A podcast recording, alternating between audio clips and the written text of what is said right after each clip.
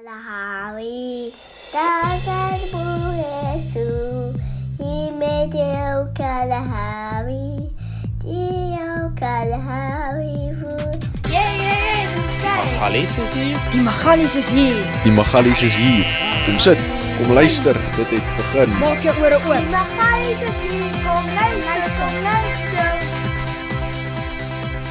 Ons praat vandag met professor Isak Spannenberg, 'n afgetrede teoloog wat gespesialiseer is in die Ou Testament.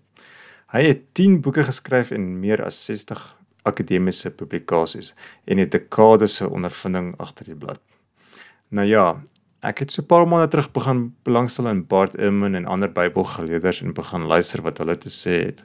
Net so sakkie is hulle dikwels nie predikers nie, maar mense wat die Bybel en ander relevante literatuur in detail bestudeer.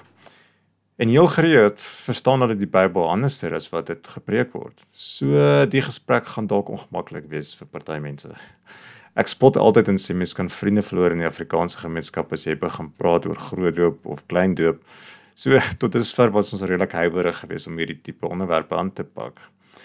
Maar vir my was dit moer interessant geweest en 'n groot voorreg om met Sakkie te praat. Daar's soveel klein en soms groot stukkies inligting wat in die Bybel waarvan ons nooit geleer is nie. Ons probeer niemand van iets oortuig nie, maar miskien soek jy 'n pitkos en iets om oor met die dominee oor te praat as hy kom kuier. Soos wat julle sal kan hoor, ons het so 'n bietjie audio issues gehad, maar hopelik maak die inhoud op daarvoor. Soos gewoonlik is kommentaar welkom by magaliespotgooi@gmail.com. Hier is so 'n paar highlights van die gesprek. is wil wil mense om sê maar die mens is goed geskep. Die mens is inherënt nie boos nie. Terwyl in die Christendom die ander fascinerende boek is die boek Hooglied, né? Sommige sal dit selfs klassifiseer as soft pornography. en die slang is nie die duiwel nie. Hy help die mense eintlik om kennis te bekom.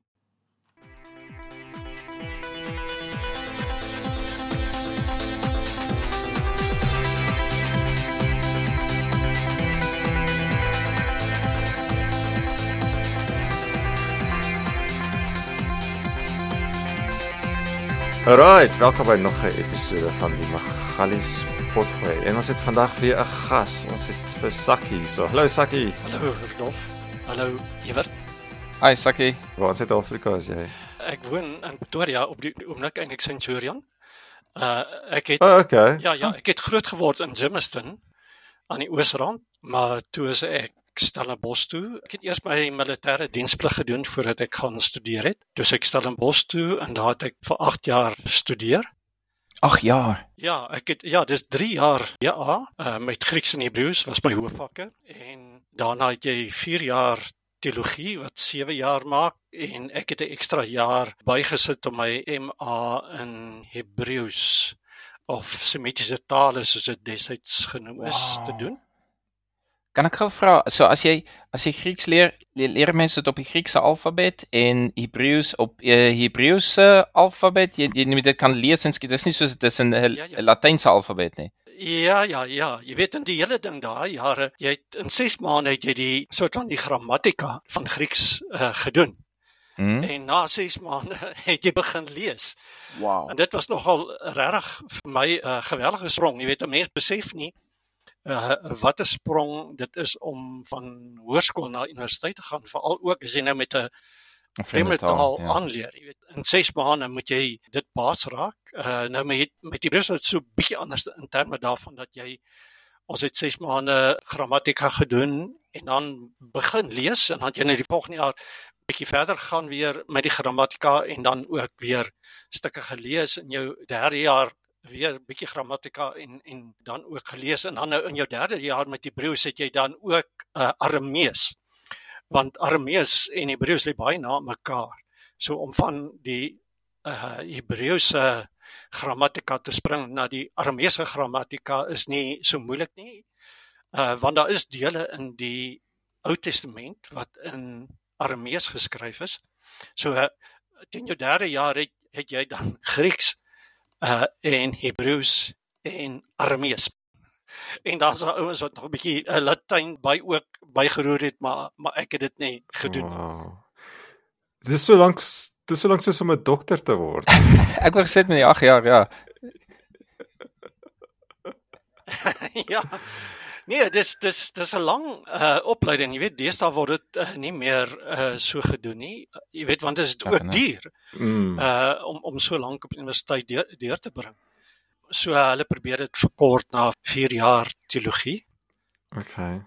Maar okay, dan in in die proses moet 'n mens dan nou eintlik die tale in, dan word jy meer so baie aandag aan die tale gegee as as vroeër nie. Praat iemand Okay. vandag Hebreëus of is dit meestal net om die Bybel te kan lees? Obviously kan Grieks help, maar is daar iemand wat Arabies Ara- Aramees nog skryf of Hebreëus tans skryf of is dit purely jy leer dit om die Bybel te kan lees?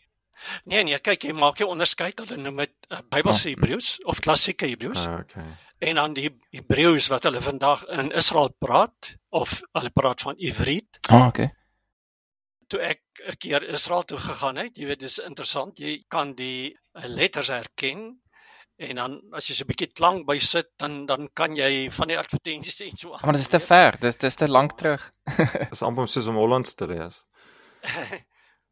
Ja ja ja. Okay. Ja, maar die uh, interessant is, jy weet toe ek nou soontoe gaan beland ek toe nou uh op keer in Jerusalem en dis toe nou die Sabbat en ek bly maar daar in 'n hotel, maar ek gaan eet buite die hotel. Ek eet nie in 'n hotel nie. Maar nou is dit Sabbat. Jy weet waar kry jy kos? Al die plekke is okay.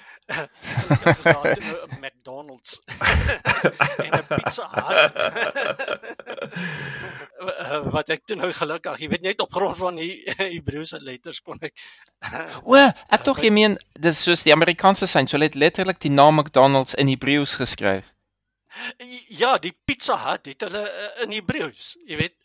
Wow. nou Kan ek kan ek dit wel herken en en jy het nou daarom die logo, né, wat jy wat jy ook kan.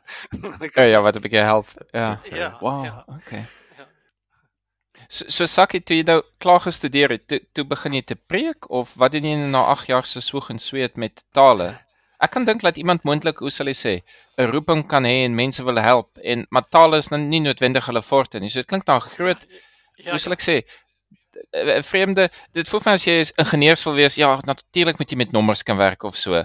Maar ek weet nie is tale almal se ding wat hulle wil doen as hulle ek weet Nee. dominee wil word of in die bediening ingaan of so nie. Ja, ja, ag jy sien dit, dit daarvoor is daar juis verskillende spesialiteitsvelde. Uh ek Hmm. weet van my pelle Hebreëus en sielkunde as hoofvakke gevat of filosofie en sielkunde. Jy weet daar's verskillende kombinasies wat jy uh sou kon Hmm. maak, maar ek het uh, nogal gehou van Hebreëus en Grieks. Ag ek het so 'n bietjie van 'n taal aanvoeling, nou nie vreeslik nie, maar uh ek ek kon die Hebreëus uh, baie lekker optel. Die Grieks was was regtig my moeiliker, maar ek kon dit dan baas raak. Maar jy weet ek het die begeerte gehad om bietjie verder te gaan, jy weet want nou te mens begin, ek het MA in Semitiese tale en ek wil graag 'n doktorsgraad gedoen het en in my jaar wat ek my M doen, adver- is daar toe twee poste wat in Bybelkunde geadverteer word by twee Afrikaanse of twee universiteite. Die een was die Universiteit van Wes-Kaapland en die ander was by die Randse Afrikaanse Universiteit. Nou ja, gelukkig kry ek toe die pos by die Randse Afrikaanse Universiteit want ek wou graag my doktorsgraad in Ou Testament doen. Jy weet die Ou Testament deel regtig goed verstaan want op daai stadium jy weet het, het ek ook gevoel jy weet 'n 3 kwart van die Bybel is Ou Testament jy weet die Nuwe Testament is is is dun Okay. Maar Hmm. meeste word uit die Nuwe Testament gepreek en die ouens preek net nie die die Ou Testament nie en as hulle die Ou Testament preek dan preek hulle wat ons mag genoem het kapstokpreke jy weet jy, jy kies 'n versie en dan hang jy 'n gedagte daarin op Ah, okay, okay. Kapstok. daar word nie werklik uh, jy weet daai hele hoofstuk met mense behandel of wat ook al nie. So uh dit was maar die rede hoekom ek uiteindelik universiteit toe is. Uh, ek ek het wel gevoel jy weet dat ek een ander tyd predikant sal word, maar toe word dit vir my so lekker in die akademie Okay. dat okay. ek dan nou besluit besluit het jy weet nou blyk hier dis dis lekker. Toe was ek 8 jaar by die Randse Afrikaanse Universiteit en toe het ek oorgeskuif na Unisa 1987 tot 2016 was ek by Unisa uh, in die departement Ou Testament. Isak uh, of Sakkie, ek sê Ek is gedoop Isak, kan toe eers hier kom by in die army en toe noem ouens my Sakkie. dit te begin die Sakkie toe besluit ek ja, toe besluit ek okay, Sakkie is nie sleg nie. Ek wil jou so half tong in die kies vra. As 'n mens nou in die US government werk, dan weet jy nou miskien van aliens en jy get 'n kry 'n bietjie inside info. As jy vir so 8 jaar as jy vir so 8 jaar tale studeer en so word daar tekste behandel wat nie in die Bybel is nie. Wat noem hulle mense hulle apokryfe boeke? Die ander boeke is daar Ja, word word daai area ook oop of is dit absoluut gefokus op die teks van die Bybel en jy leer dit soos hoe sal jy sê in 'n teologiese taal eerder as o, hier's 'n ander boek wat ons weet nie hoekom hy nie in is nie, maar okay, dis nee, jy leer in Ou Testament en selfs ook in Hmm. Hebreëus leer jy daai uh, geskiedenis. Ons het reeds in die in in my honeursjaar in Semitiese tale het ons byvoorbeeld die wysheid van Jesus Sirach uh wat as 'n apokryfe boek in die protestantse kerke beskou word, het ons daar uitgelees want as jy die wysheid van Jesus Sirach lees, is dit baie soos die spreuke van Salomo. Uh nou net net vir interessantheid om nou uh, so 'n bietjie af te dwaal. Die rede waarom die protestante, kyk uh, die apokryfe was eintlik oorspronklik deel van Christene se Bybels. Dis waarom die Katolieke Kerk, die Katolieke Kerk het eintlik die beste tradisie rondom die Bybel. Okay. Hulle sluit die apokryfe boeke in. Uh nou ja, toe kom die as as heilige hulle bind dit sekerlik nie saam nie. Hulle, hulle dis 'n addisionele boek of ja. Nee, nee, nee, dis in in die Bybel ingebind. In hulle Ou Testament. Oh, wow. is dit Okay. is dit Okay. Nou ja, toe kom die protestantse hervorming en die protestant, jy weet, het bietjie probleme met die apokryfe want uh dis op grond van die apokryfe boeke wat die Katolieke Kerk 'n klompie uh rare dogmas kan mense geformuleer het. Soos nou, jy weet, mense gaan na die hel, maar nie direk na die hel nie, jy so in limbo eers, 'n né? limbo In die- tipe ding. Mm. Ja, in die, in die vage vuur, jy weet, in in wat ook al. Maar in elk geval, die Daar's die woord daarvoor in Afrikaans. Vagevuur. ja, Nog nooit daai woord gehoor nie. Okay. ja. Maar die protestante gaan leer toe nou van die hervormers gaan na die tyd hulle tydgenootlike Joodse geleerdes en hulle kyk maar hoe lyk die Bybel van die Jode. En hulle kom toe agter maar die Bybel van die Jode bevat nie hierdie apokryfe boeke nie. Toe besluit die hervormers nee, maar dis die oorspronklike Okay. hoe die oorspronklike Ou Testament gelyk het. Toe gooi hulle die apokryfe boeke uit op grond van wat hulle by die tydgenootlike Jode gesien het.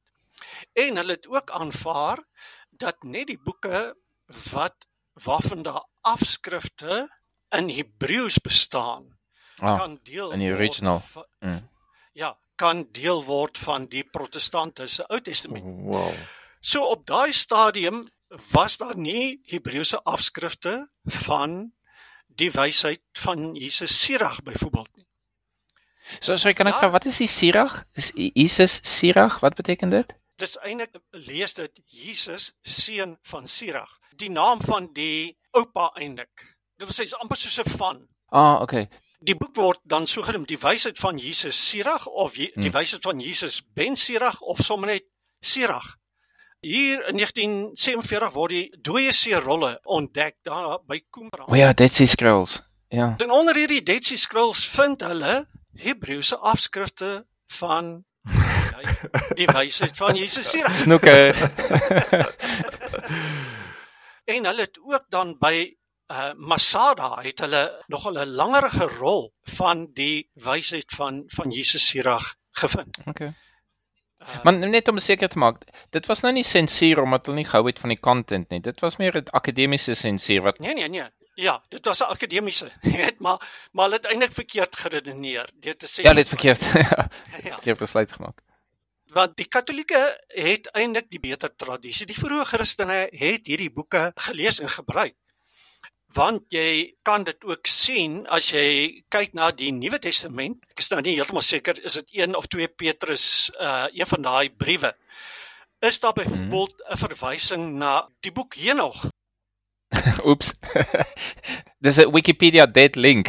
Ek klik op hom en jy vind hom nie in jou. Ja, jy weet uh so wat vir ons wys Wow. Jy weet daar was nie mense dink baie eenvoudig oor die Bybel in terme daarvan dat hulle dink, jy weet, Jesus het ook met 'n Bybel uit uit die hemel geval. Nee nee, Ja. nee nee, dit nie. Jesus het met 'n Bybel onder die O. arme geloop, jy weet. En, Ah, of hy het okay, okay, okay. sinagoge toe gegaan, jy weet, en hy hy daar die hele kan jy amper sê die Ou Testament gekry. D- Dit is nie so nie, jy weet, daai tyd het die geskrifte bestaan as boekrolle, né? Scrolls. Oh, ja ja. Lo- So Okay. om die hele Ou Testament te hê, jy weet, jy moet omtrent wat is dit 66 nee, is bietjie minder rolle. Want hulle het byvoorbeeld die 12 Ah, ja. profete het hulle as as een rol, want kyk die 12 kleiner profete is eintlik sulke kort stukke. So in Hebreëus is dit een rol gewees. So van die sinagoges het heel waarskynlik die Torah, die eerste 5 boeke. Want dit was vir hulle die belangrikste het hulle dan gehad want da, daaruit is daar uh, op die Sabbat gelees en en en dan daaroor gepraat en so meer. Ja, mense vergeet dat hulle het nie die printing press gehad nie. So jy moet letterlik Yes. 'n trolley agter jou hê met al die boeke as jy nou regtig. Maar hoorie, hoorie maar Sakke, hoekom praat jy nou met die protestante kerk en sê hulle moet nou mooi bietjie sit kyk en daai boek insit by die Bybel nie? Sekerlik is is hulle oop vir hierdie idees. Nee, nee, weet dit is nou jy sit met 'n tradisie, jy weet. jy hou vas aan 'n tradisie ten spyte van dat dinge verander, jy weet. En dit dis die tragedie eintlik van die kerk. Is is dit nie is dit nie deel van die probleem met die kat, met die protestante kerk wat dan nie 'n leier is nie? Of is daar tipe van 'n iemand wat besluite neem? Kyk, hulle daarmee paus en die goed vir die katolieke. Wie wie sou so iets kon ewen besluit of die grondwet probeer verander as die protestante iets moet doen? Is daar 'n setel iewers, die middelpunt van nee, jy sien dit is wat wat die protestantse hervormers gedoen is, is hulle die kerk gedemokratiseer. Ah, dis kom daar so baie. Dis desentr- gedesentraliseer. Ja, hulle het gesê gewone mense moet ook kan lees en interpreteer. En die Katolieke het eintlik vir hulle gesê julle speel met vuur. As Hmm. julle toelaat dat enige een kan lees en interpreteer, gaan daar naderhand chaos uh bestaan. Jy weet, daar is nie 'n sentrale Kan ons sien presies wat gebeur hier. Ekskuus. Nee nee, dis presies wat gebeur. Jy weet, On, ons sien presies wat gebeur met die media as as mense begin hulle eie research doen. Dan dan raak hulle baie slim oor ja. Ja. Jy weet en en dis is waarom jy nou vandag met soveel verskillende protestantse kerke sit. mm, Maar hoorie, kom ons gaan 'n bietjie terug na jou paadjie wat jy gestap het. So jy het nou gestudeer en het jy op 'n stadium predikant geword of of of nie? Nee, ek, ek was beroepbaar, so ek het daai proses deurloop en daar Ja. het 'n paar gemeentes al my beroep wou by my hoor wil ek nie predikant word nie, maar ek ek is meer geïnteresseerd in in in die Bybel, die uitleef van die Bybel, Okay. uit die kerkgeskiedenis, die verstaan van die Christelike dogmas en so meer. En uh so wat het jy toe geleer met jou al jou akademiese studies? Wat was wat was jou groot les wat jy geleer het? Ag ek was eintlik maar tradisionele gelowige. Ek kom uit 'n konservatiewe agtergrond. My ouers Mm. uh is maar konservatiewe Afrikaans sprekende Christene. Soos hervormde kerk of NG Kerk of so iets. Ja, ek het O, ek dis is- 'n belangrik hier Rudolf. Dat was die fight begin. ja, nee nee nee, dis ek is uh, groot gemaak binne die NG Kerk, jy weet die Nederduits Gereformeerde Kerk. Mm. Maar jy weet nou, begin 'n mens al meer en meer die Bybel lees en soos ook verder studeer, toe ek nou my doktorsgraad begin, want ek het al in my MA het ek my al in die wysheidsliteratuur van die Ou Testament, bedoel ek die boeke Job, Spreuke, Prediker en dan vind jy ook 'n aantal wysheidspsalms. Ek het daarin begin spesialiseer en toe nou met my doktorsgraad gefokus spesifiek op die boek Prediker. Kan- jy my net so highlights gee van wat prediker is? Fascinerende boek. Eintlik baie modern in terme daarvan dat hy jy weet eintlik teen die tradisie as dit ware inpraat. Jy weet hy sê ag as die mens doodgaan, dan gaan jy dood soos 'n soos 'n hond, jy weet, uh, na jou dood is is dit klaar met Wow. jy weet. Ja ja, jy Wow. weet hy hy hy maak die uitspraak dat hy, Okay. dat hy sê uh 'n Lewendige hond is beter as 'n dooie leeu. jy weet. maar uh, wat wow. weet jy nou? En is is dit hoekom hy dit anoniem gepublish het dat dit nou net prediker is en nou nie Marcus wie ook al nie, want hy is kontroversieel. Wie dit ja, geskryf? Wel, dit weet ons nie, maar dit is een van die heel laaste Oh wow, really? Boeke in die Ou Testament. Jy weet nou okay, hy staan nie so laat in die Ou Testamentiese versameling nie, maar ons hmm. weet op grond van die Hebreëus uh, waarin dit geskryf is dat dit so hier uh, rondom die 3de, 2de, 3de eeu geskryf is.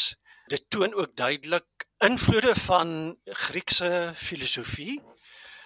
So jy het eintlik hier te doen met 'n Joodse filosoof wat eintlik oor die lewe hmm. nadink. Jy weet en dan sê hy ag alles is eintlik te vergeef. Jy weet jy werk jou hele lewe lank en jy doen allerlei werk en wat ook al aan die einde van die dag gaan jy dood soos 'n hond. jy weet wat wow. bly oor van al jou gestoei. Uh, hy word baie keer ook gesê as as 'n moderne eksistensialistiese filosoof.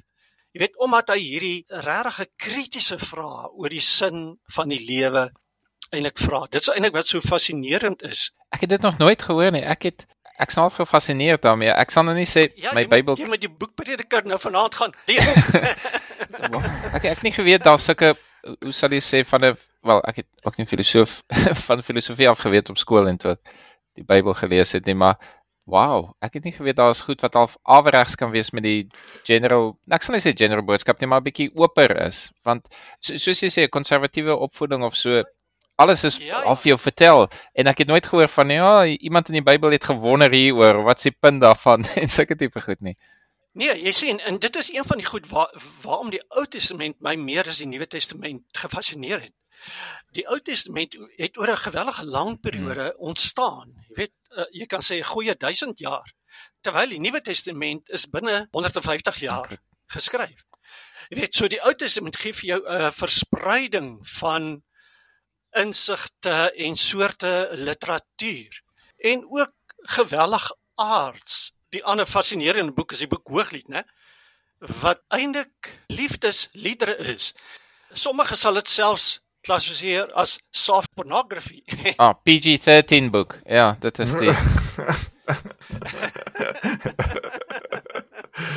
ja, jy weet as as as jy byvoorbeeld Hooglied 7 gaan lees, dit beskryf die vroulike liggaam glashelder vir jou, jy weet, die die, die kaal oh, vroulike okay. liggaam hier voor jou, jy weet. Ek kan nie onthou dat my dominee dit gelees het toe ek 'n kind was. ja, hulle hulle sou nie want hulle is hulle is versigtig daarvoor. Nou sê by RAI, nou uh, is daar uh, eh, RAI het ook ehm um, ruimtes waar hulle kuns uitstal. En daar's toe 'n keer 'n uh, uitstalling van kuns en ek kan nou nie meer die bepaalde kunstenaar wie uh, onthou wat nou daar uitgestal het nie, dan onder andere 'n naakte vroulike liggaam, maar net die borsgedeelte. Jy weet, geskilder. Ek ja. toe staan 'n klomp studente wat erg mm. ongelukkig is. Hulle gaan kla toe by die dekaan protesteer, jy weet. Toe skryf ek 'n briefie in hulle koerant. en ek sien net vir hulle maar het hulle al ooit die boek Hooglied gelees? As hulle nou skrik vir hierdie tekeninge, hierdie sketse. Hoekom hoekom gooi hulle dan nie die boek Hooglied uit hulle Bybels uit nie? Want daai persoon doen met ja. woorde presies wat hierdie persoon met 'n kwas gedoen het. Dis dis ook kuns, kuns kunswerk. Jy weet in die, in die menslike liggaam is kan ook mooi uitgebeeld word. Jy weet daar's daar's daar's nie fout daarmee nie, maar jy weet dis hierdie ding wat nog altyd ook in die kerk seks is mos vir die kerk 'n gewellige probleem. Soos ek ouer geword het, weet ek meer en meer mense begin soort van uitdaag ook. Hoe dink julle oor die Bybel? Mens word groot met bepaalde idees. En en dit is ook nodig dat daar mense is wat bietjie vir mense invra oor hierdie idees en sê nou maar weet hoe hoe hoekom glo jy dit? Uh, het jy al bietjie daaroor nagedink? Dis 'n spesifieke idee wat jy vir ons kan verduidelik daarmee wat wat jy nou met jou agtergrond daarna gekyk het en gesien het soos byvoorbeeld jy nou wel jy het nou net 'n voorbeeld gevat met 'n hooglid mm. maar is daar ander insigte wat jy met jou akademiese agtergrond na kyk wat teenstrydig is met wat die kerk vir ons geleer het Ehm um, ek was op 'n stadium op die godsdienstpaneel van die oggendblad oh, ja. beeld. Hulle het so 'n godsdienstpaneel wat elke uh, daai jare was dit elke maandag het hulle hulle so 'n paneel van 8 skrywers gehad. Dan jy so elke 8ste week het jy 'n geleentheid gekry om om ietsie te skryf wat mense nou 'n hmm? bietjie kan prikkel, nadink. Nou ek het jy weet vanuit my ervaring uh altyd geskryf as Ou Testamentikus en so het ek dit 'n keer dan ook oor die erfsonde, né? Ehm um, O oh, ja. In Engels word dit genoem oh. original sin of the fall of Adam and Eve. Wat ek sê maar jy weet Genesis 2 en 3 het maar net mooi niks met 'n sondeval te doen nie. Jy weet dit is 'n totale verkeerde lees. En daai lees gaan eintlik terug na die kerkvader Augustinus uit die 5de eeu na na Christus. Jy weet, en Augustinus het nie eers Hebreëus onder die knie gehad. Hy het sy Bybel in Latyn gelees, jy weet, want Latyn was op daai stadium die uh, amptelike taal van die kerk en die amptelike taal van die samelewing. So Augustinus lees hierdie geskrifte in Latyn. En op grond daarvan maak hy allerlei afleidings En hy sê dan jy weet daar was 'n sogenaamde val in die paradys, sonneval, Adam en Eva wat ongehoorsaam was. God straf hulle en van toe af is die hele menslike geslag besmet met sonde. Weet in in Afrikaans praat ons van erfsonde, weet original sin. Ons ons erf mm -hmm. almal hierdie sonde virus. Weet wat? Mhm. Mm nou nou toe toe bevraagtig ek dit en nou ja, toe beland ek by die kerk in die moeilikheid. Maar maar kan ek net vra, ehm um, so wat mense in die Afrikaanse Bybel daarvan lees en dis interessant want dit is omtrent die enigste versie wat ek ken. Ek het Rudolf het al daaroor gepraat die appel eet en die slang en dit, dit as mens so 'n paar paragrawe apart ja, lees, klink dit vir my van wag, die die slang het eintlik gejok en sulke tipe goed. Die hele storie is is vir my puzzling, maar wat ons in ja. ek weet nie wat se version van die Afrikaanse Bybel het ek nie of of ewen die Engelse Bybel um King James of so voel jy dat die vertaling is nie reg nie of die interpretasie daarvan is nie reg nie so as jy dit nou vanaand gaan lees voel dit voel dit vir jou jy lees reeds die verkeerde storie of net wat mense daarmee doen is verkeerd ja dis wat mense daarmee doen uh, as jy die hmm. verhaal mooi lees dan is dit interessant God sê of die God karakter ek hou daarvan om te praat van die God karakter Die God karakter hmm. van daai verhaal sê vir Adam en Eva hulle mag nie eintlik vir Adam jy mag nie van die boom in die middel van die tuin eet nie. Jy kan van al die ander bome. Dan sê hy ook maar die dag wat jy daarvan eet, gaan jy sterf. nou uh, dis nie om om te sê jy gaan werklik sterf. Dit is wat ek vir 'n kind sê. Hoorie so jy jy moenie jou jou vinger in daai muurprop druk nie. Die dag as jy jou vinger in daai muurprop druk, gaan die elektrisiteit jou byt en hy gaan jou doodskok jy jy waarsku jou kind. Nou hoekom word Adam en Eva gewaarsku teen hierdie boom? Want daar was eintlik twee bome in die middel van die tuin en dit moet 'n mens uh fyn lees om dit raak te lees. Daar was die boom van alle kennis of ons in Afrikaans het hulle vertaal die boom van kennis van goed en kwaad en dan die boom van ewige lewe. Nou Adam en Eva moes eintlik nie van een van die twee bome geëet het nie. Maar die slang begelei hulle toe en sê: "Kom ek help julle. Kom ons maak 'n keuse. Eindelik as julle van die boom van kennis eet, dan verkry julle kennis, wysheid. As jy die storie mooi lees, dan sal jy sien dat daar eintlik twee bome in die middel van die tuin was, die boom van die lewe. Ja. En die, ja. en die boom van ja. van die ewige ja, ja, ja. ag, die boom van die ewige lewe en die boom van kennis. Kennis van goed en kwaad. Ja. Ja. En die slang is nie die duiwel nie. Die slang is 'n baie wyse dier. Hy help die mense eintlik om kennis te bekom. Uh jy weet, hy sê vir hulle nee man, julle sal nie sterf nie. Julle sal Julle gaan alles weet. Wysheid bekom soos God. Dit is presies wat ek vir Rudolf gesê het. En dan dink dan in in die kinderbybel is dit die slang is evil uitgejok. Nee, hy's nie ewel. Ek kon sweer ek het iewers gehoor die slang het gejok. Ja. Nee, nee, nee. Die slang in daai verhaal is nie ewel nie. Hy's juis hy word ook genoem, hy's baie wys. As jy dit nou in Hebreëus lees, jy weet hy een van die amper sê wysste diere in die tuin is. Uh dan eet Adam met Eva nou van die boom van kennis. En wat ontdek hulle? Hulle ontdek hulle skaal. so, wie is geklee in die tuin? God. God is geklee. Hy het kleertjies aan, al die pad. Dis hierdie twee karakters wat ja, wat, want hoe kan hulle sê rondloop, uh, né? Nou ontdek hulle hulle skaal, nou maak hulle gou hoe kan hulle weet hulle skaal as hulle nie iets het om mee te Ja, vergelyk nou maak hulle gou vir hulle klere. En dan kom God nou weer, hy kom vir 'n wandeling weer in hierdie tuin, want dis eintlik 'n gode tuin, né? Kyk, God bly in die hemel en die Mm. aarde is 'n plat vlak. En mens jy dink aan die aarde as 'n ronde. Die die Ou Testament werk met 'n flat earth, Reg, 'n 'n plat aarde. En dit ja. geld ook van die Hmm. van die Nuwe Testament. Dit wil sê dis hoekom Jesus uit die hemel kom op die aarde, neerdal na die hel. Jy weet, hy hy reis deur die drie verdieping heelal. Nou, dis presies Ja. hier uh vir God om op aarde of daai God op aarde te verskyn, moet hy ergens deur die poort, deur die oospoort, hè, daar waar die son opkom. Dis waar die God die tuin binnekom. En dis eintlik 'n gode tuin want hierdie tuin is ook uh vir hom bedoel om van te eet. Want gode moet ook eet om te kan leef. Dis waarvoor die boom van lewe daar is. Maar hierdie hierdie ander boom maak mense uh, besonder slim, né? So wanneer is 'n God 'n God? Wanneer jy oor wysheid en kennis beskik, maar ook oor ewige lewe. So nou eet Adam en Eva van Okay.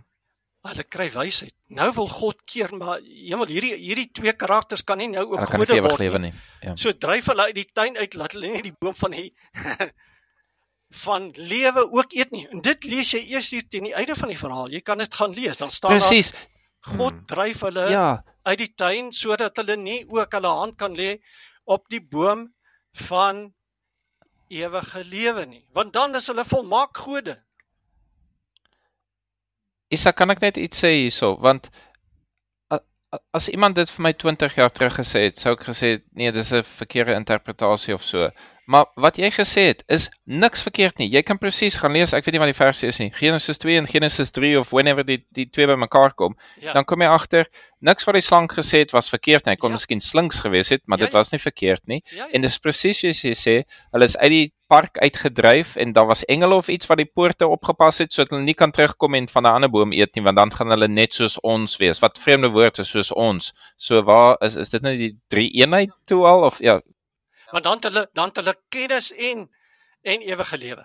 maar maar wat van die wat van die kerk se counter van nee maar dis net 'n dis net 'n poesie. Dit is nie dit nie regtig gebeur nie. Is daar nie 'n out wat jy kan sê maar dit is dis dis die ou Markus wat alweer hier kak geskryf het. Dit jy moet dit nie te ernstig opvat. Dit was regtig 7 dae nie en ook ja, dit maak nie eintlik saak twee bome een boom. Kom aan, die storie is is dat die mens het gesondig. Hoe, hoe, hoeveel vryheid gee jy nou om die ding letterlik op te neem versus soos wat ek sê, ek was redelik verbaas toe ek het ek weet nie 10 jaar terug gelees het of ek weet nie wanneer ek agtergekom het, maar wag 'n bietjie. Die die storie lyk asof asof die mense bietjie ehm um, sal ek sê gemanipuleer is van twee kante af. Ja. Nee, kyk, die ander ding is die woord, Hebreëse woord vir sonde kom nie in daai verhaal voor nie. Dit word jou ook nie vertel nie. O, oh, okay. So dit gaan nie om 'n sondeval nie. Dis hoe Augustinus dit geïnterpreteer het en die kerk het daai interpretasie soort van in konkreet gegiet. En gesê dis die interpretasie, geen Mm. ander interpretasie word nou toegelaat nie. En dis hoekom Jesus dan na aarde toe moet kom. Hy moes hierdie sonde van Adam en Eva kom ongedaan maak. En dit lees jy dan nou by Paulus in Romeine 5. Maar dis ook weer Paulus se interpretasie. Paulus het ook 'n skewe interpretasie van Genesis 2 en 3. Nou is dit so dat jy wel daai soort interpretasie in die vroeë Judaïsme kry. Maar heel interessant, die die Judaïsme, die Jode ken nie 'n sondeval nie. Hulle sê ja, die mens Okay. kan sondig, jy kan verkeerd doen. Wanneer doen jy verkeerd? Wanneer jy van ander mense leer om kwaad te doen. Uh jy weet wanneer jy boos ingestel is wil wil mense om sê maar die mens is goed geskep. Die mens is inherënt nie boos nie. Terwyl in die Christendom is die mens Okay. inherënt boos. Ah. Ah ja, jy jy kry daai theme. Ja, jy jy lees verkeerd. Die mens, God het die mens goed geskep. So die Jode het dit nog altyd anders te gelees. Dis eers toe die Christene daai deel Yes, begin anders yes. interpreteer het wat die anderste Oh, maar, maar maar dit maak nou 'n probleem met die Nuwe Testament dan want dan het jy nie Jesus nodig nie. Ja, maar dan as jy nou die, die eerste 3 evangelies lees, dan sal jy nêrens sien dat Jesus sê hy kom om die sonde van Adam en Eva ongedaan te maak. Jesus verkondig nie daai boodskap nie. Dis Paulus. Ah, okay. Maar hy sê tog hy hy sê tog dat niemand kan in die hemel kom nie deur nie deur hom nie. Is dit nie maar dieselfde boodskap nie? Wanneer waar lees jy dit? Ek weet nie. Nee, was 'n rukkie terug sakkie, sorry.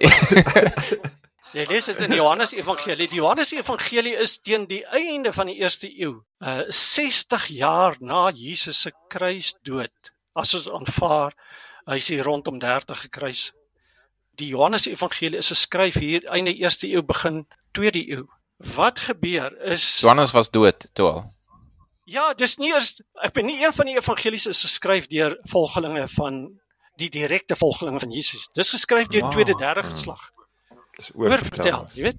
So hierdie Johannes Evangelie is totaal het 'n totaal ander uh siening as die eerste 3 evangelies Matteus, Markus en en Lukas.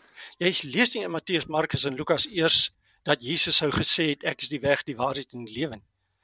Jy kry dit net by Johannes. So as mens regtig as mens kyk na die tekste waar dit mens meer sekerheid kan hê dat dit die regte woorde van Jesus was, as dan kry jy heeltemal 'n ander prentjie. Dit is so, jy weet. En dit is waar Nuwe Testament jy sien dan nou kom en sê, jy weet, as ons wil bepaal wat Jesus gesê het, moet ons in die eerste plek kyk na die eerste 3 evangelies. Want dit is van die oudste evangelies. Uh en dan sien ons ook ons ook selfs met daai evangelies versigtig wees om te sê nou presies watter woorde kan ons aan Jesus toeskryf. Dit is regtig moeilik om te sê hierdie is die presiese woorde van van Jesus. Jy weet, ek het 'n uh, onder Willem Foster my Nuwe Testament studeer by Unisa en Willem Foster het al die uitdrukking gebruik. Het gesê man, daai tyd die mense nie bandopnames gehad en rond geloop waar Jesus geloop en dit opgeneem nie. Hulle Ja. jy weet hulle, hulle het maar mondeling. Wat ons in die evangelies is, is wat mense onthou het. Jy weet, Ja. ons kan nooit sê ons het met absolute sekerheid wat Jesus sê nie. Maar ons kan bepaalde okay. ontwikkelingslyne weet die die die Christendom het ontwikkel. Daar's nie van Hmm. dag 1 af geglo dat Jesus God is nie. En dan ook die interessante is dat daar dan ook goed in die Nuwe Testament ingeskryf is om van Jesus 'n God te maak. Soos byvoorbeeld in die eerste Johannesbrief, jy weet waar daar staan daar's 3 in die hemel wat getuig. Uh asof daar sprake is van 'n drie-eenheid. Die hele gedagte van drie-eenheid kom uit die 4de eeu met keiser Konstantin. Jy weet toe hy uh, daar was 'n variasie in die vroeë Christendom. En nou begin daar probleme in die Romeinse ryk ontstaan en wat ek al en keiser Konstantin wil as hy 'n godsdienst kan kry wat hy jy weet die die ryk en die mense van die ryk bymekaar kan hou, dan kan daar weer eenheid. Toe roep hy nou die klomp biskoppe by- bymekaar en sê, hey, "Kom, sorteer hierdie verskille uit. Kom ons kry duidelikheid. Wat glo julle, wat glo julle nie?" En daar ontstaan die hele ding van die drie eenheid. Okay, so hulle het probeer samehorigheid in die Bybel kry en sekere besluite geneem en sekere en nou vandag is daai besluite so diep in ons kultuur dat dit gesien word as die waarheid. Maar klink my as 'n mens miskien sekere op meen ons het vandag 'n nuwe kennis, ons nuwe maniere om die Bybel te lees, die Bybel so deeglik ondersoek dat miskien kan 'n mens sekere regstellings maak. So hoekom word dan nie regstellings gemaak nie? Ja, dis dis dis die hele ding, jy weet nou die oomblik wat jy nou met hierdie ding, jy weet soos Bart Eerman, né? Hy vra hierdie kritiese vrae. Ja. En hy wys hoe mense die ja. foute in die Bybel uit. En dan jy weet nou raak jy ouens kwaad vir Bart Eerman, maar maar sy ondersoeke uh, is heeltemal legitiem en hy verkondig nie onwaarhede so sover ek kon vasstel. Uh jy weet baie mense sê. Okay. Bart Eerman wys op hierdie hierdie uh verskille. Sakie, as ek kan vra, hoe werk dit in die akademie?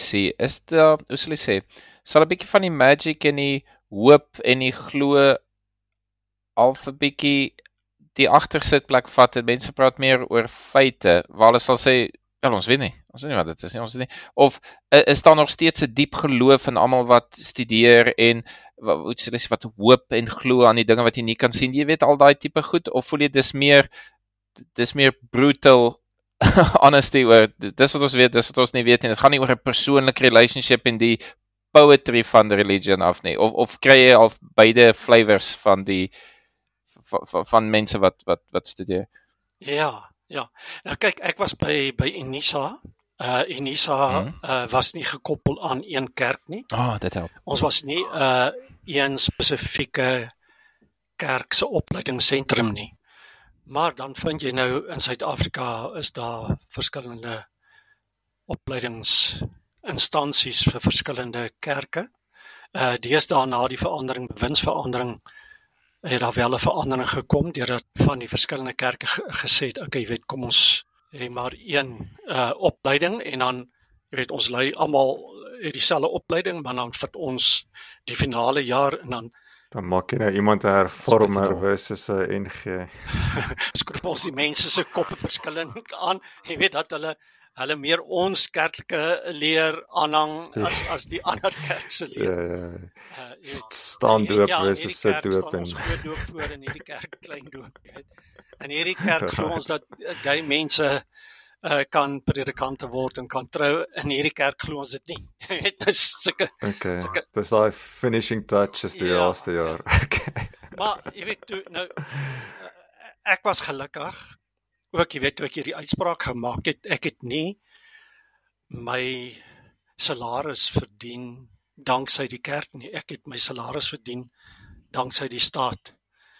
So toe ek die kerk het dank is my salaris nie gesny nie. My vrou het my gesê jy's gelukkig. Jy weet daar's baie predikante wat uit die kerke bedank wat begin besef jy weet maar hierdie hierdie goed is nie altyd so uh, uh, waar nie en ek kry hulle jammer jy weet daar daar's ek dink in Brittanje is daar 'n vereniging wat gestig is om juis predikante wat onnugter raak en wat bewus raak wil ek oh, sê van van die waarheid te help te bedank en dan steeds 'n inkomste te hê uh sodat hulle mm. weet jy's opgelei as predikant jy jy kan eintlik niks anders doen as predikant wees nie weet ja en jy's so ingeburger in daai gemeenskap en so en jy het nie regtig ja, uh, aan 'n netwerke ja, en ja, dis, ja. Jy weet dis geweldig. Nou kan ek net een ding ook noem, jy weet terwyl toe ons hier in 2004 met sulke gesprekke hier in Suid-Afrika begin het. Want ek was in die eerste ou wat so 'n bietjie nek uitgesteek het nie. Uh daar was 'n hele paar ander ook. Toe het ons juis ook te doen gekry, jy weet dat dat mense sê ag man, jy weet julle beleef maar net 'n midlife crisis, dis hoekom julle hierdie hierdie vra vra en en wat ook al. Jy weet in my vrou het weer vir my ook gesê, weet jy, jy kan dankbaar wees dat jy nie aan 'n kerk gebonde is. Okay, so jy het jouself nogal redelik ongewild gemaak in daai tyd toe jy uitgekom het met jou al jou interpretasie van die sondeval en so ja, aan. Ja. Dit het vir my ook eintlik maar jare gevat. Jy weet, die bewindsverandering het in 1994 gekom. Jy weet nou die hele ding ook van versnelde bane vir jou eh, swart kollegas om hulle ook gehouer in die akademie te kry. Baie van hulle het binne 10, 15 jaar as hulle professor vir my dit gevat. Was 8 jaar 'n lektor, 10 jaar 'n senior lektor. Wow. Toe was ek uh op 10 jaar 'n mede-professor en my laaste 10 jaar maar eers 'n volwaardige professor. So uh dit het my ook lank geneem, jy weet om daai sport te bereik ook as gevolg van beleid universiteitsbeleid uh destyds. Maar in elk geval toe ek het uh, eers was hy so rondom 20 20 12 2015 dink ek wat ek my jy weet as jy nou 'n vol professor word dan lewer jy mos nou 'n uh, intree te vertel jy weet wie jy en wat is jou spesialiteit en jy gee 'n bietjie illustrasie van van jy weet wat hoe sal jy nou mense onderrig en wat ook al toe ek die uh, Genesis verhaal gevat jy weet en hom deeglik uh, in my intree met die gehoor behandel. Dit intensies gewys. Ja. En gegeewe ook ja. jy weet ons kennis ek ben uh, waar kom die mense vandaan? Jy weet ons het geëvolueer.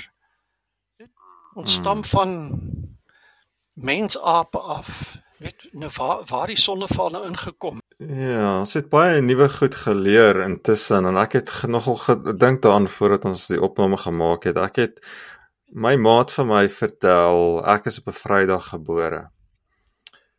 Maar ek en al drie al twee my susters is op 'n Vrydag gebore en toe maar as 'n kind kon ek dit nooit opsoek nie. Daar was nie ah. elektroniese kalenders gewees nie. Jy kon nou miskien sit met 'n ja, papier en dit uitwerk en dit sal jou 'n goeie halfuur gevat het, ek weet nie. En op 'n stadium toe ons nou rekenaars begin algemeen raak, besef ek maar ek kan actually gaan kyk op watter dag ek gebore is. Toe kom ek agter maar ek is actually op 'n donderdag gebore. My my ma het dit verkeerd gehad. En ek noem dit want dit is nou vir my al 'n verduideliking. Ek het nou die dag iemand gesien wat gevat het Moses wat vir 40 jaar in die woestyn geloop het met die Israeliete. Daai stukkie tussen Egipte en Jerusalem, dit is wat is, is dit 'n week se stap op meeste. Jy gaan elke korreltjie sand twee keer met bo oorloop om vir 40 jaar daar te spandeer. So dis ook Was nie swerwes nie woestyn nie? Ja, ja, maar nee, nee nee dit nie. Jy weet, uh, as jy nou lees die getalle, uh jy weet hoeveel mans en vrouens en as jy nou die kinders nou in berekening bring in daai 40 jaar, weet daar moes 'n paar kinders gebore gewees het in daai in daai 40 jaar. Jy weet, hulle sê dat die die voorste groep sou al by die beloofde land ingekom het dan het die die stert van die groep pas uit Egipte getrek. jy weet as jy wow. daai getalle jy weet vat en jy sit dit Nou in in 'n 'n redelike groep. Jy weet wat vir jou wys dat hierdie goed is nie bedoel as om letterlik te lees nie. Dis dis stories, stories to live by. Nie om hmm. dogmas en sulke goed op te stel en mense vir mense sê weet as jy nie hierdie presies so glo nie, yeah. dan is jy in die moeilikheid. So dis een van die goed wat Bart Ehrman ook sê is is hulle daai tyd nie biblioteke gehad of nie biblioteke soos wat ons dit van soos wat ons dit vandag sien nie. So en omdat hulle net nie stories nie kon so feitelik skryf nie want hulle kon nie goeders navors nie. Was dit meer oor die gedagte gewees? Dit was nie net so so seer oor die akkuraatheid van die storie die feitelikheid van die storie was meer oor die gedagte gewees So en ja, miskien is dit uh die feit wat mense maak as hulle probeer dit te letterlik opneem en ons het nou gesien met die skepingsverhaal ook, ja, right. Mense het nou uiteindelik aanvaar dat wel meeste mense het dan uiteindelik aanvaar so vir nie so letterlik te vat nie, maar kom ons kyk nou ook na Noag se ark en Moses se 40 jaar in die woestyn en miskien is dit nie nodig om dit so letterlik te vat nie en Ja, want die sondeval is 'n groter een, want dit dit is nogal heel fundamenteel aan hoe mense kyk na geloof. So dit is nogal 'n seer hou daai om oor te kom. Ja, ja. Ja, maar dit klink vir my Isak as ek nou mag woorde in jou mond sit. So ek sal dit nou doen terwyl jy hier is. Dan kan jy my antwoord. Jy het die Katolieke gekomplimenteer op hulle op hulle Bybel. Maar dan as jy praat oor Jesus in die Nuwe Testament, klink dit vir my as jy jou geld op iemand moet sit, gaan dit op die Jode wees. Op of wie wie wie se klou staan hulle dogma sal jy sê of of voel dit vir jou daar's net oral ehm um, goed waar mense net 'n lyn trek en hulle wil nie verander nie. Voel jy dat almal moet dit hulle bronne heroorweeg? Of of voel jy daar's 'n kerk wat jy voel jy dit voel vir jou die klou staan die core van die boodskap? Of of voel dit laat ek dit so stel, maak enige van dit vir jou saak? Is, is jy een van die mense wat sal sê ag, die hoe sal mense sê die Mohammedaanse God is dieselfde God as die Bybelse God. Hulle noem dit net anders. Is en dis seker die Christe ding wat jy ooit kan sê in in geloof dat ja, ons glo in dieselfde God. Jy het net jou kultuur wat jy daarin bou en ek het my kultuur wat ek daarin bou en maar dit maak nie saak of jy sê Boeddha of Jesus of wat ook al of geen een van die twee nie, solank ons ons stem saam met dieselfde God. Uh, waar voel dit vir jou met met jou ondervinding en wat jy geleer het van die Ou Testament? Voel dit vir jou die geloof? Uh, Jesus, dis dis een van 'n vriends geloof hier, maar voel vir jou die ouens is die core wat vir jou voel hulle is oop vir die verandering as jy nou 'n team moet kies. Ja, jy weet ek uh, toe ek nou afskeid neem van die kerk, hoe klim ek ehm um, heeltemal uit die uit die uit die godsdiens ook uit want Ek weet as jy met die evolusie ek ek het eintlik ook vreeslike belangstelling in geologie. Ah ja. Uh, met die tyd ont, ontwikkel. Jy weet nou as jy daarin duik, jy weet en jy begin hierdie eeue uh, se ontstaan van die aarde en dan by die evolusie hoeveel eeue dit neem tot waar ons nou vandag is, dan besef jy godsdiens het 'n bepaalde funksie gehad. Vir baie mense speel dit nog 'n belangrike rol. Dit gee sin aan hulle lewe. Ehm um, ek praat gewoonlik verwys ek daarna as die meester verhaal van die Christendom. In Engels praat van the grand narrative.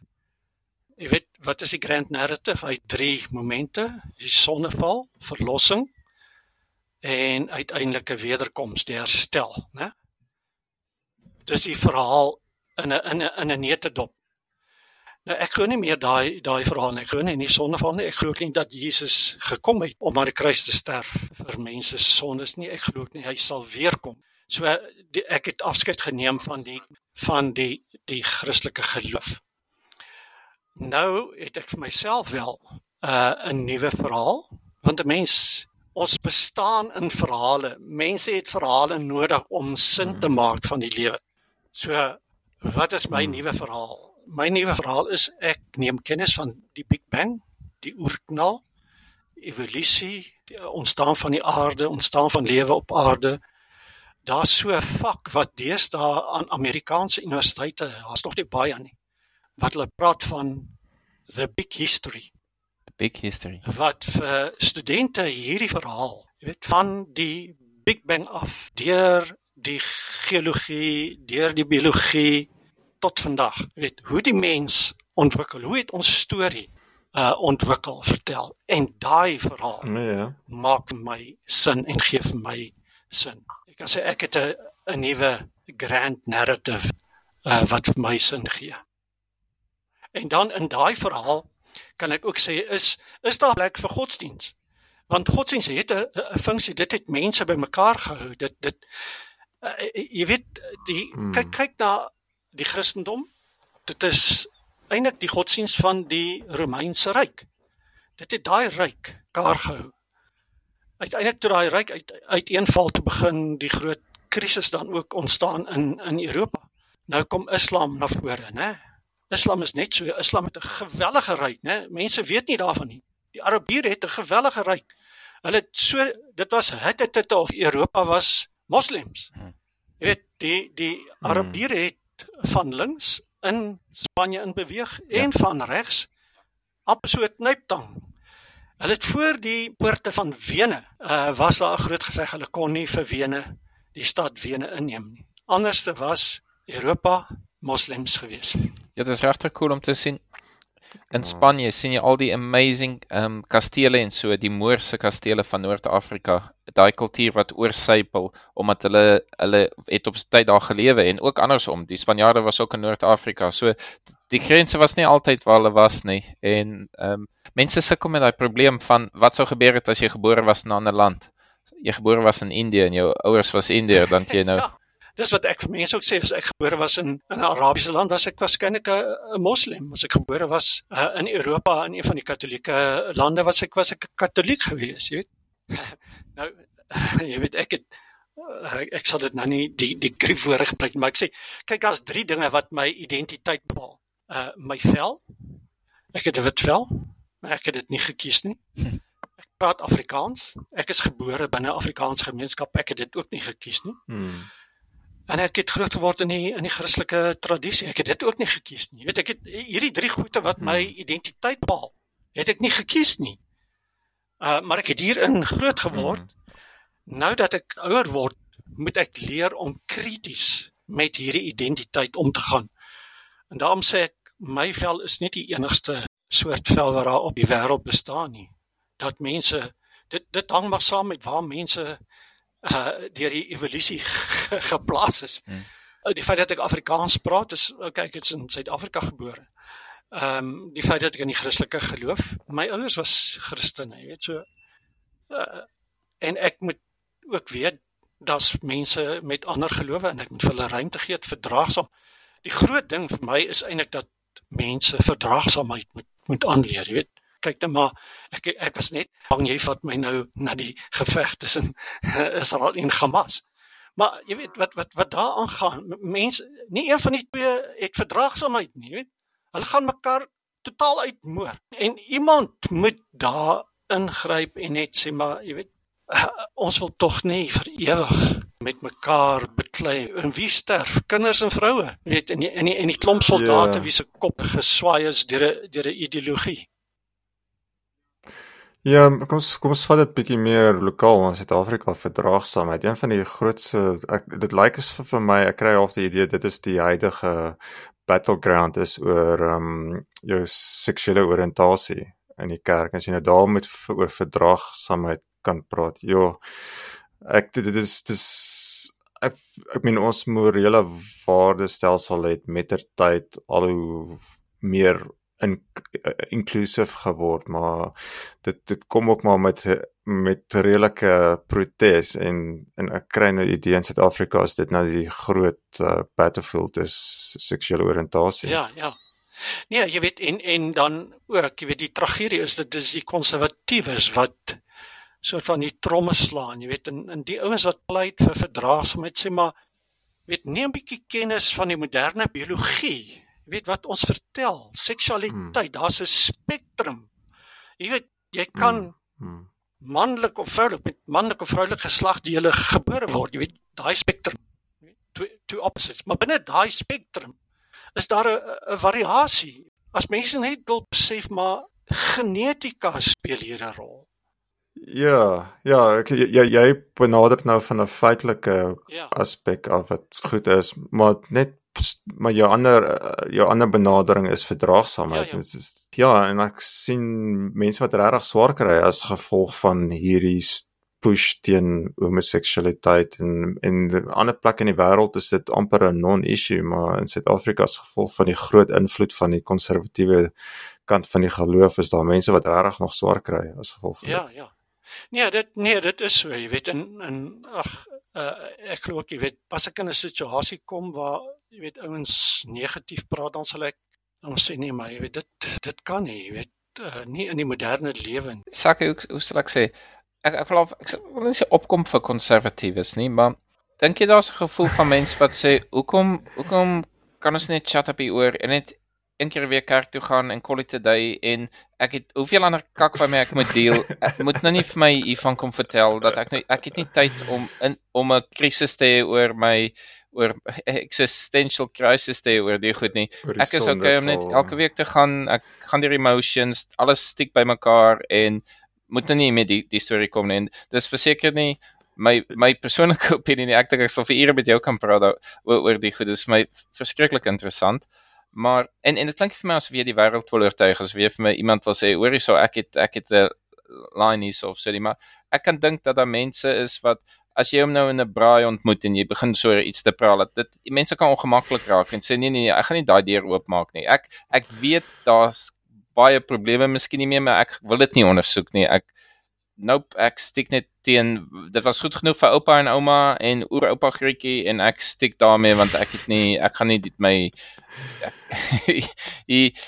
ja ek weet nie wat mense dis soos die voeltjies wat op die draad sit dan vra die een volkie vir die ander volkie hoe doen nie dit dan val hy af want dan kom hy agter hy weet nie hoe, hoe hy sit met draad nie.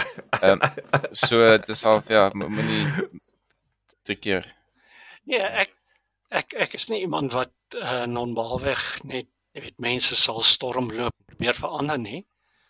Uh, ek lê gewoonlik maar uh, laag as ek saam met mense kuier, ek luister wat hulle hulle sê en dan sal ek as dit nodig is sal ek 'n bydrae lewer as ek sien jy weet die oor die oorwig is na die konservatiewe kant en jy weet let them be jy weet hmm. ek is nie so nie maar ehm um, ek dink dat daar tye kan kom wanneer 'n mens wel moet uh opstaan. Jy weet dan sê maar uh hmm. dit dit kan nie. Uh ons behoort dit nie toe te laat nie. Jy weet ek is ek is dankbaar dat die ANC regering tog uh, tot 'n mate met menseregte sê maar jy weet ons ons erken gay mense ook en so meer en so meer. Uh, en vir my is die vreemde is dat die kerke nie nie kan sê maar jy weet ek het byvoorbeeld van die NG Kerk gesê net die feit dat die NG Kerk die omswaai kon maak en sê apartheid is verkeerd. Hoe het hulle dit reg gekry? Hulle het gesê hulle die Bybel reg gaan lees. Hulle hulle moes weer bietjie Nou ek sê daai selfe lyn moet hulle net deurvoer en ook sê maar dit geld van die die gay issue. Ehm um, ek het nog net weet daar vir jammer gesê maar ek ek is nou nie op hoogte daarvan nie maar voel my elke paar jaar met hulle jammer sê oor iets wat jy weet daar's nog onderstrominge jy weet daar's op die oomblik wil die eh uh, sinode van Namibië wil bande losmaak met die NG Kerk in Suid-Afrika juis as gevolg van wow. die gay issue. jy weet.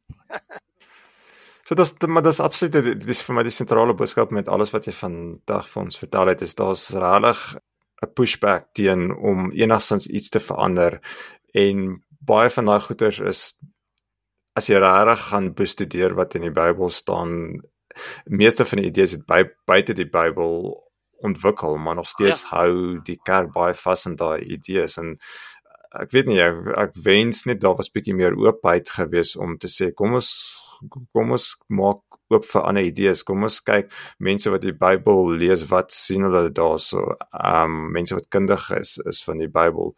Ehm um, maar in steede hou hulle vas aan die idees en ons het nuwe inligting intussen gekry en maar hulle wil nie daai nuwe inligting uh, in gedagte hou. Hmm. Nee, weet jy wat wat ek probeer doen is om mense net uit te wys. Weet wat ek net gedoen het om te sê die die skrywers van die Bybel werk met die drie verdieping heelal, hè? Hm. Hemel, aarde en die wêreld onder die aarde. Hulle het nie geweet die aarde is rond. Later het die Grieke dit wel uh, bygebring, maar toe hulle nog glo jy die aarde is die sentrum en toe kom Copernicus en Kepler en Galileo en sê nee, wag bietjie, dis dis die son is die sentrum en die aarde en wat ook al. Weet en daar's toe die, die kerke gooi wel laat teen, jy weet en nou uiteindelik besef hulle maar dit is verkeerd. En verder werk die Bybel met 'n vreemde mensbeskouing, wil ek om sê. Hulle het gedink mm. net mans is eintlik mense. yes. Ja, jy weet die die vrou is eintlik nie 'n. 'n mens nie. Kyk, jy kan ook met 'n handel dryf as jy nou die Ou Testament lees. Jy weet uh, sy's ja. low class. Glorified ribbebeen man. ja, ja. Jy weet nou as jy as jy byvoorbeeld uh, uh, uh, nou keurig lees soos in Job, kry jy ook daar die siening. Dis die man wat vir die vrou 'n saad babietjie gee, jy weet. Hulle het nie geweet die vrou dra ook by. Ah, oh, okay. uh, tot die ontwikkeling van hierdie hierdie fetus nie. Okay. Jy weet want jy kan mos nou sien, jy weet, Job praat van ek is uitgestort soos melk. Weet? Nou die vrou is eintlik maar net 'n vat, hmm. sy met hierdie saadbabietjie in haar buik hou en sy moet hom versorg ah. tot hy nou groot is. Dit is hoe hulle gedink het oor die vrou. Nou, ek wil net mense sê maar dit is die kennis wat daai mense ja. gehad het. Mm. Hulle het nie die kennis gehad wat ons het nie. Ons kennis het soveel groter geword. Neem dit in ag as jy dan ook die Bybel lees. Dan hoor jy oor hierdie ding van gay die gay issue te kom. Mm. Hoekom het hulle uh, 'n uh, probleem gehad as 'n man by soos dit nou daar in Levitikus staan by 'n man slaap? Want hy dan eintlik daai saadbabietjie in 'n verkeerde kruik gesit. Mm, okay. wat nie wat nie hierdie kind kan laat ontwikkel nie. Mm. Ja, hulle het elke kind nodig wat hulle kan kry. Ek reken hulle het seker ook maar nie lank geleef nie, ja. Yes, yes. Jy weet so kom ons praat bietjie oor hoe het daai mense oor mense gedink? Hoe het hulle oor hulle wêreld gedink? As jy dit verstaan, dan verstaan jy ons leef in 'n totaal ander wêreld. Iemand het eendag vir my vertel, ek weet nie as dit pot nonsens nie van iewers in die Bybel sê dat jy moet op honeymoon gaan of vakansie neem of so iets. Ja, ja. Dit dit dink ek ja, dis 'n dinge storie, maar ek hoor wat jy sê, dit is 'n remedy vir daai dag se probleem of so van okay, jy moet 'n tydjie vat of ek weet nie as die honeymoon ding regtig in die Bybel of nie. Ja, nee, nee, dit dit is 'n Levitikus, jy weet. Ek ek het eintlik gesê, ek wens dit was van toepassing in ons tyd, jy weet. Jy jy gaan nie grens toe, jy moet eers dan trou en dan kan jy bietjie 'n hmm. paar die lewe experience, ja saam met jou vrou deurbring. Jy weet dit is daar's ook uh, interessante wetgewing in die in die Ou Testament wat wys hulle het tog ook 'n bietjie aanvoeling gehad vir wat is wat is dit om kind te wees? Mm. Wat is dit om human and kind te wees? Jy weet en dit is waaroor dit behoort te gaan. Ja, en ek kry ook kry ook die idee dat die historiese Jesus meer in lyn was met dit. Jy's heeltemal reg. Dis dis waarom ek ook, jy weet, die die historiese Jesus my ook fascineer. Ek dink, jy weet, wat die kerk van Jesus gemaak het, is iets totaal vreemd. Jy weet, ek dink as as Jesus nou regtig na die aarde kom kom en hy sien wat die kerke met hom aangevang het. Hmm. Jy weet, ek dink it will blow his mind. Hmm. dit is nie wat waarvoor hy gestaan het nie. So jy glo in jy, jy, jy met jou uh, ondersoek wat jy nou oor die dekades gedoen het, jy kan sien dat daar was iets soos 'n historiese Jesus, reg? Ja, ek is nie, jy weet, ek verstaan ook kyk Bart Eerman sal vir jou sê, jy weet, daar's uh, weinig, jy weet, afgesien van die Nuwe Testamentiese geskrif, daar's nie buite Bybelse bronne wat na Jesus verwys nie. Maar my argument is baie keer daaroor die volgende om mense te sê, jy weet, want hulle sal vir jou sê, maar okay, jy weet hy hy word in geen buite by Bybelse bron vermeld nie. Dan sê ek, okay. Hoe dig bevolk dink jy was die Romeinse ryk? Hoeveel mense word in die Romeinse geskrifte vermeld? Ja, ja, ja okay. presies. 100 200? Okay. Give or take 200. As jy verwag iemand se naam moet in 'n dokument verskyn om te bestaan nie. Mm, dan ja. verstaan jy nie daai wêreld en hoe daai wêreld gefunksioneer het. Statistics aan. Hulle het nie elke ou opgeteken. Uh, jy weet, en hoekom sal sal die Romeine 'n Joodse profeet se naam gaan opteken mm, in hulle geskrifte? Mm. Alright. Ek, ek weet nie vir my is daar 'n sentrale tema daarso dat daar sekere goeders wat vasgemaak is en baie baie van daai idees kom nie uit die Bybel uit nie en ons het vandag meer 'n nuwe inligting en ons behoort ons idees dan ook so aan te pas. Maar Rudolf, dit is Ek ben ons almal klaar daaroor. Ek en jy is nou tipe analiste. En ons ken die ewel van 'n SOP, 'n SOP, 'n standard operating procedure waar jy bel in 'n call center in En die ou wat jou help, het nie 'n klou wat hy doen nie. Hy lees net van 'n skrip af. O, hy moet nou dit sê. Het jy al die ek kan nie die komputer probeer restart. Dink maar ek verstaan nie wat ek vir jou sê nie of jy bel, ek weet nie Telkom of een van die companies nie kom agter die ou wat jou help weet minder as wat jy weet van die produk af.